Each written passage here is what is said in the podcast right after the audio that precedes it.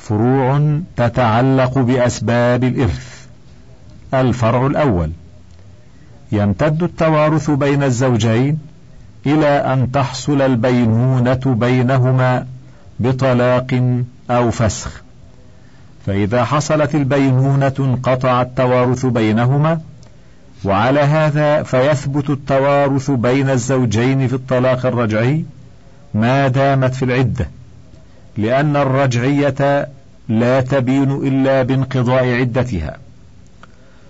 وأما الفسخ والطلاق البائن فيقطع التوارث فيهما بين الزوجين بمجرد الفرقة إلا أن تقع من أحدهما في حال يتهم فيها بقصد حرمان الآخر من الإرث فإن المتهم يورث. ولا يورث معاقبة له بنقيض قصده السيء ومثلوا لذلك بأمثلة منها.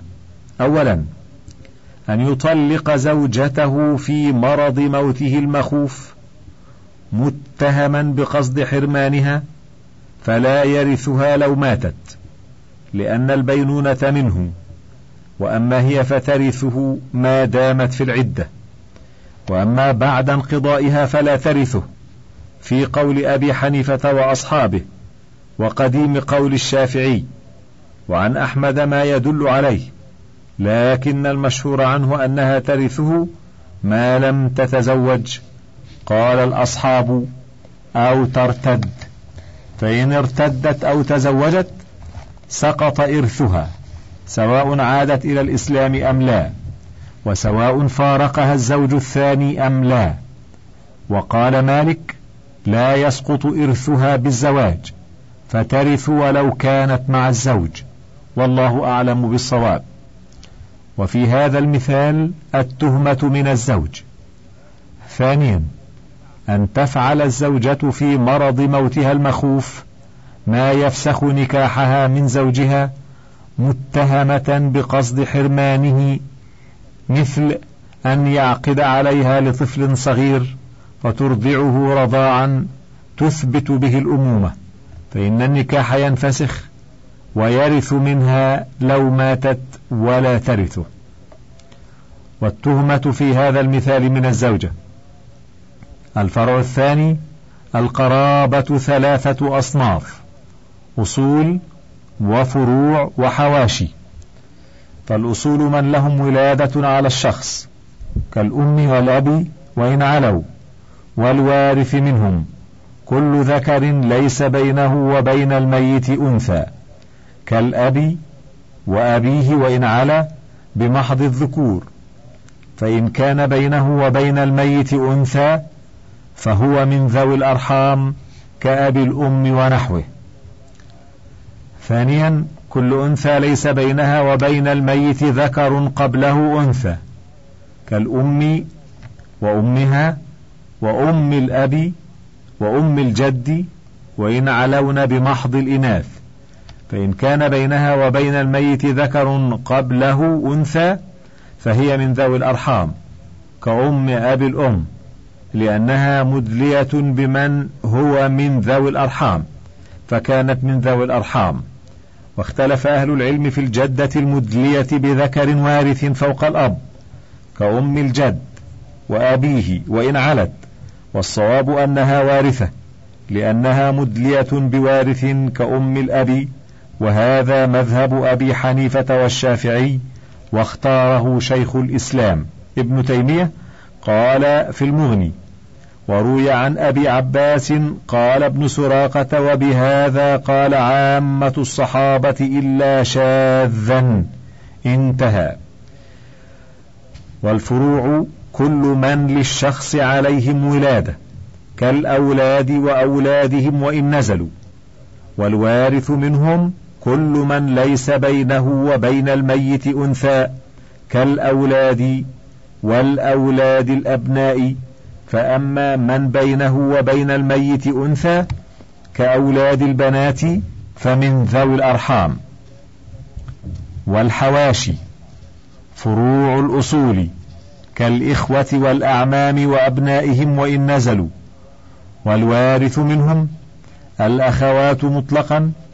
فأما غيرهن من إناث الحواشي فمن ذوي الأرحام كالعمة والخالة وبنت الأخ وبنت العم ونحوهن. ثانيا الإخوة من الأم دون فروعهم. ثالثا كل ذكر أولى بذكر كالإخوة والأعمام لغير أم وأبنائهم. فأما المدلي بأنثى كالخال والعم لأم وابن الأخت ونحوهم فمن ذوي الأرحام. الفرع الثالث.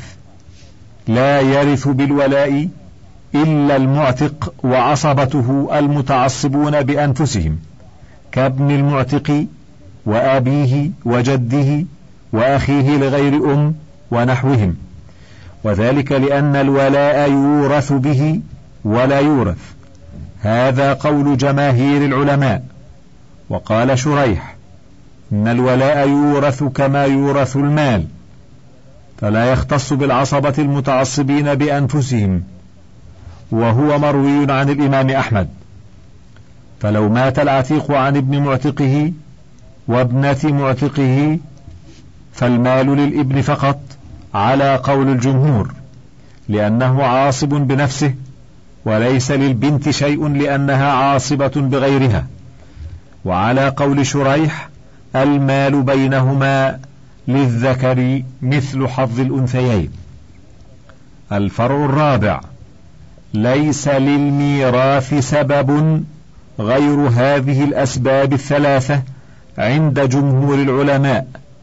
وزاد شيخ الإسلام ابن تيمية عند عدم الأسباب المذكورة أسبابا أخرى وهي الموالاة والمعاقدة والإسلام على يديه والالتقاط وكونهما من أهل الديوان. وقال هو رواية عن الإمام أحمد قال ويرث المولى من أسفل وهو العتيق عند عدم الورثة. وقال بعض العلماء انتهى. وفي بعض ذلك أحاديث في السنن منها أولا عن ابن عباس رضي الله عنهما أن النبي صلى الله عليه وسلم آخى بين أصحابه وكانوا يتوارثون بذلك حتى نزل قوله تعالى وأولو الأرحام بعضهم أولى ببعض في كتاب الله فتوارثوا بالنسب رواه أبو داود والدار قطني وفي إسناده من فيه من فيه مقال. ثانيا عن قبيصة عن تميم الداري رضي الله عنه قال سألت رسول الله صلى الله عليه وسلم ما لسنة في الرجل من أهل الشرك يسلم على يد رجل من المسلمين؟ فقال هو أولى الناس بمحي بمحياه ومماته. رواه الخمسة وصححه أبو زرعة. وقال الشافعي ليس بثابت. وقال الترمذي ليس بمتصل.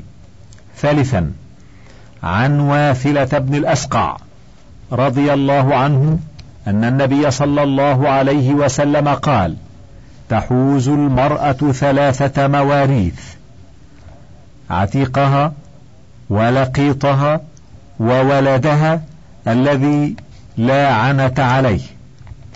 أخرجه الخمسة إلا أحمد.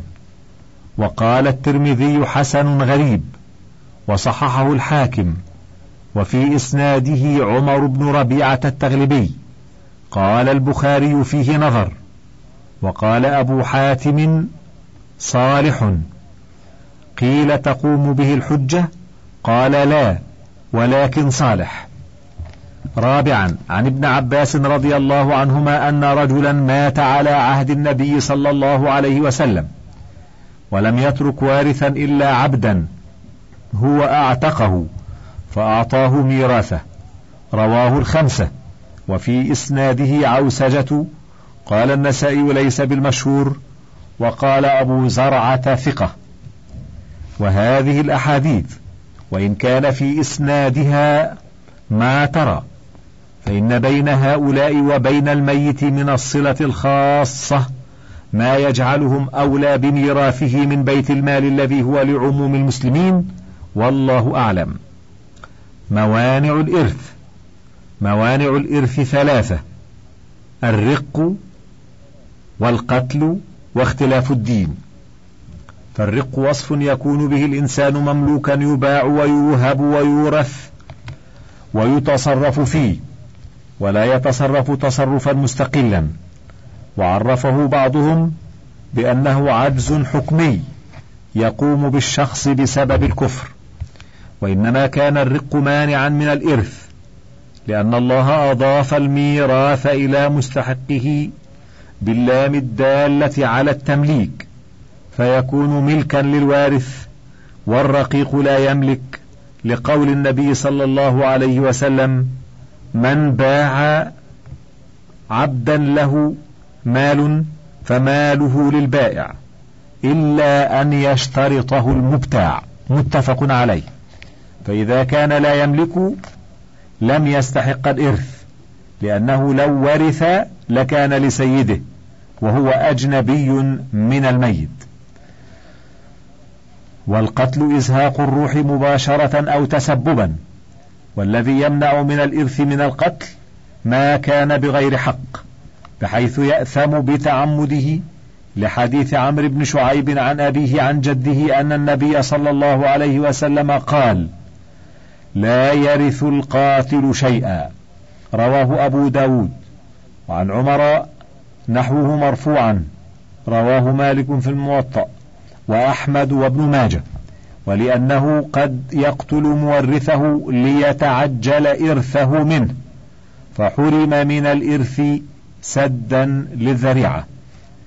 ولا فرق بين أن يكون القتل عمدا أو خطأ تعميما لسد الذريعة ولئلا يدعي العامد أنه قتل خطأ.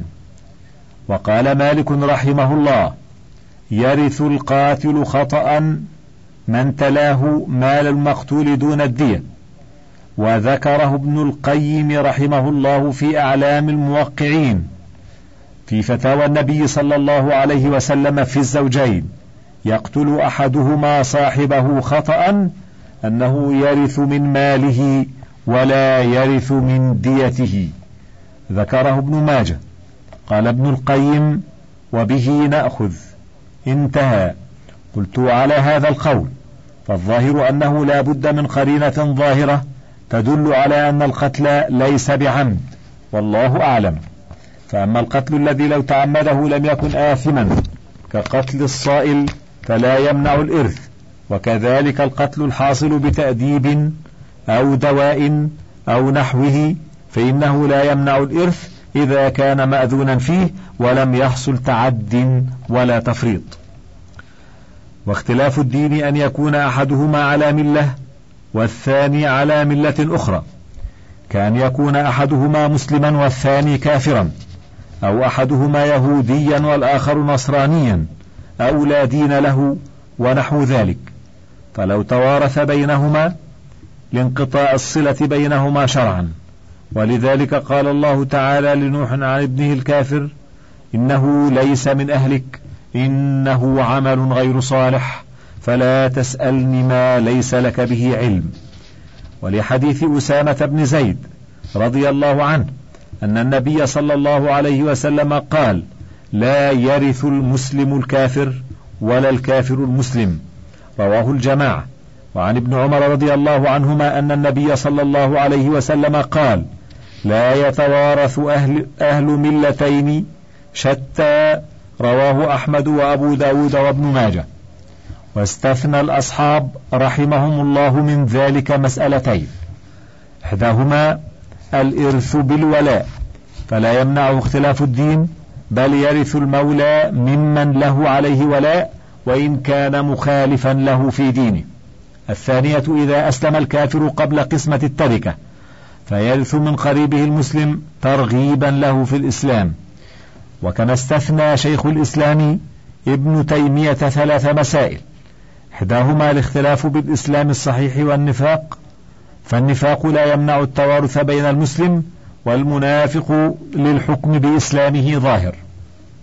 الثانية المسلم يرث من قريبه الذمي ولا عكس.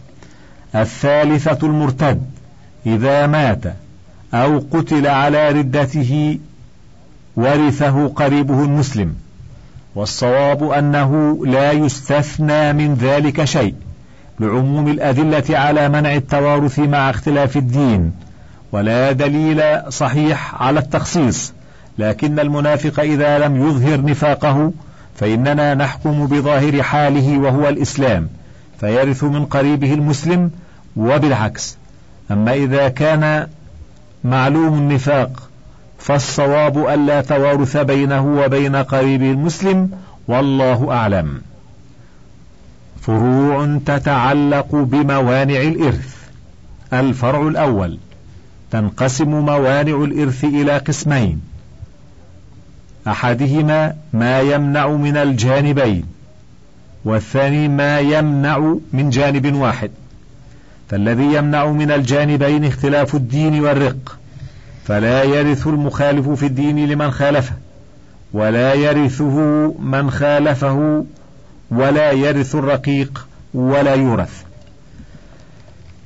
والذي يمنع من جانب واحد القتل فالقاتل لا يرث من المقتول والمقتول يرث من القاتل إذا مات القاتل قبله.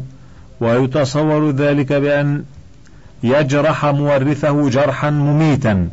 ثم يموت الجارح قبله. الفرع الثاني الرق. إن كان كاملا منع من الإرث كله. وإن كان بعض الشخص رقيقا وبعضه حرا. ويسمى المبعض. تبعض الحكم فيرث ويورث بقدر حريته لأن الحكم يدور مع علته. قال الإمام أحمد رحمه الله إذا كان العبد نصفه حر ونصفه عبد ورث بقدر الحرية. كذلك روي عن النبي صلى الله عليه وسلم انتهى. لكن ما كسبه أورثه بجزئه الحر فليس لمالك باقيه منه شيء. وإنما يكون لورثة المبعض كما صرح به الأصحاب رحمهم الله. الفرع الثالث المرتد. لا يرث ولا يورث. فإن مات أو قتل قبل أن يعود إلى الإسلام كان ماله فيئا يصرف في مصالح المسلمين واختار الشيخ تقي الدين أن ماله يكون لورثته المسلمين وقال إنه رواية عن أحمد وإنه المعروف عن الصحابة رضي الله عنهم. أقسام الإرث. الإرث ينقسم إلى قسمين إرث بفرض وإرث بتعصيب فالإرث بالفرض أن يكون للوارث نصيب مقدر كالنصف والربع والإرث بالتعصيب أن يكون للوارث نصيب غير مقدر. والفروض الواردة في القرآن ستة نصف وربع وثمن وثلثان وثلث وسدس. وأما الثلث الباقي فثابت بالاجتهاد في العمريتين وفي بعض مسائل الجد ومن يرث معه من الإخوة ما يأتي إن شاء الله. واعلم أن لأهل العلم في الكلام على الفروض ومستحقيها طريقتين. إحداهما الكلام في كل فرض على حدة فيذكر النصف ومن يرث به والربع ومن يرث به وهكذا. الثانية الكلام على مستحق الفروض وبيان أحكامهم وأحوالهم كل على حدة. فيذكر الزوج بأنه تارة يرث النصف وتارة يرث الربع ويذكر الأم بأنها تارة ترث الثلث وتارة ترث السدس وتارة ترث الباقي. ويبين شروط كل حالة وقد سلكت في هذه الرسالة وهذه الطريقة لأنها طريقة القرآن وأقرب إلى الفهم وأبعد عن التشتت والله الموفق. أصحاب الفروض نبدأ بأصحاب الفروض لأن النبي صلى الله عليه وسلم قال: ألحقوا الفرائض بأهلها فما بقي فهو لأولى رجل ذكر. فأصحاب الفروض عشرة: الزوج والزوجة فأكثر. والأم والأب والجد والجدة فأكثر. والبنات وبنات الابن والأخوات لغير أم وأولاد الأم. ميراث الزوج. يرث الزوج من زوجته النصف إن لم يكن لها فرع وارث. والفرع الوارث هم الأولاد وأولاد الأبناء وإن نزلوا. فأما أولاد البنات فهم فروع غير وارثين فلا يحجبون من يحجبه الفرع الوارث. ويرث الربع إن كان لزوجته فرع وارث سواء كان منه أم من غيره. لقوله تعالى ولكم نصف ما ترك أزواجكم إن لم يكن لهن ولد فإن كان لهن ولد فلكم الربع مما ترك. ولفظ الولد يشمل الذكر والأنثى من الأولاد وأولاد البنين وإن نزلوا. فلو هلكت امرأة عن زوج وأب فللزوج النصف لعدم الفرع الوارث والباقي للأب. ولو هلكت عن زوج وابن فللزوج الربع لوجود الفرع الوارث والباقي للإبن. ميراث الزوجة وترث الزوجة من زوجها الربع إن لم يكن له فرع وارث وترث الثمن إن كان له فرع وارث منها أو من غيرها.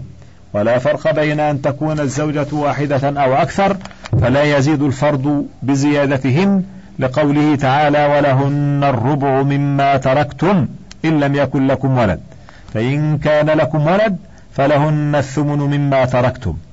فلو هلك امرؤ عن زوجة وأب فللزوجة الربع لعدم الفرع الوارث والباقي للأب. ولو هلك عن زوجة وابن فللزوجة الثمن لوجود الفرع الوارث والباقي للابن. ميراث الأم. ميراث الأم إما الثلث وإما السدس وإما ثلث الباقي. فترث الثلث بثلاثة شروط. أحدها ألا يكون للميت فرع وارث. الثاني ألا يكون له عدد من الإخوة والأخوات. الثالث ألا تكون المسألة إحدى العمريتين. وترث السدس إن كان للميت فرع وارث أو كان له عدد من الإخوة أو الأخوات. لقوله تعالى ولأبويه لكل واحد منهما السدس مما ترك إن كان له ولد. فإن لم يكن له ولد وورثه أبواه فلأمه الثلث فإن كان له إخوة فلأمه السدس. ولا فرق بين أن يكون الإخوة ذكورا أو إناثا أو مختلفين أشقاء أو لأب أو لأم. ولا بين أن يكونوا وارثين أو محجوبين بالأب كما هو ظاهر الآية الكريمة لأن الله فرض للأم الثلث مع الأب. ثم قال فإن كان له إخوة فلأمه السدس. فأتى بالفاء الدالة على ارتباط الجملة الثانية بالأولى وبنائها عليها. والإخوة لا يرثون مع الأب ومع ذلك فجعل للأم السدس في هذه الحال. وهذا هو قول جمهور العلماء. واختار شيخ الإسلام ابن تيمية أنهم لا يحجبون الأم إلى السدس إذا كانوا محجوبين بالأب. وهو خلاف ظاهر الآية الكريمة فعلى قوله لو هلك امرؤ عن أبوين وأخوين كان للأم الثلث والباقي للأب وعلى قول الجمهور للأم السدس فقط والباقي للأب.